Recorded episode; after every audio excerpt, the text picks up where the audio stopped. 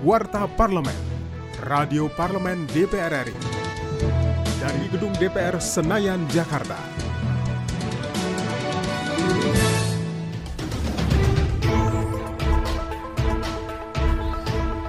DPR RI bersama pemerintah sepakat tidak ada penundaan pilkada serentak dan tetap akan berjalan pada 9 Desember 2020 mendatang. Hal tersebut disampaikan oleh anggota Komisi 2 DPR RI Samsul Rizal saat di Komplek Parlemen Senayan, Jakarta. Ia menilai penundaan pilkada serentak akan berimbas pada beban pemerintah dalam pengambilan kebijakan dan pengelolaan anggaran daerah untuk penanganan COVID-19 dan pemulihan ekonomi. Ia juga menyampaikan saat ini naskah perjanjian hibah daerah atau NPHD untuk anggaran pilkada 2020 sudah terrealisasi.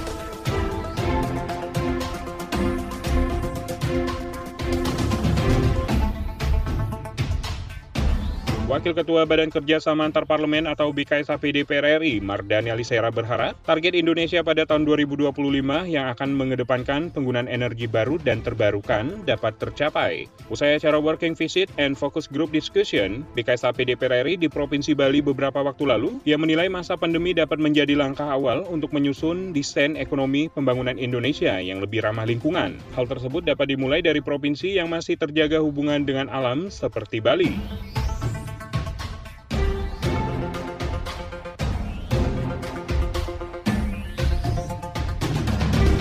Wakil Ketua DPR RI Haji Samsudin menerima Persatuan Wartawan Indonesia dan Masyarakat Peduli Pemilu terkait pelaksanaan Pilkada Serentak 2020 di Gedung DPR RI Senayan, Jakarta.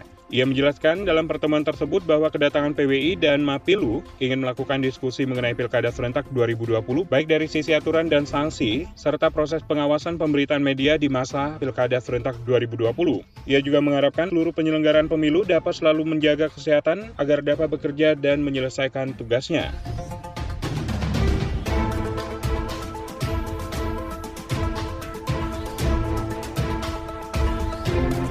Demikian Warta Parlemen, Produksi TV dan Radio Parlemen, Biro Pemberitaan Parlemen Sekretariat Jenderal DPR RI. Saya Duda Vinci.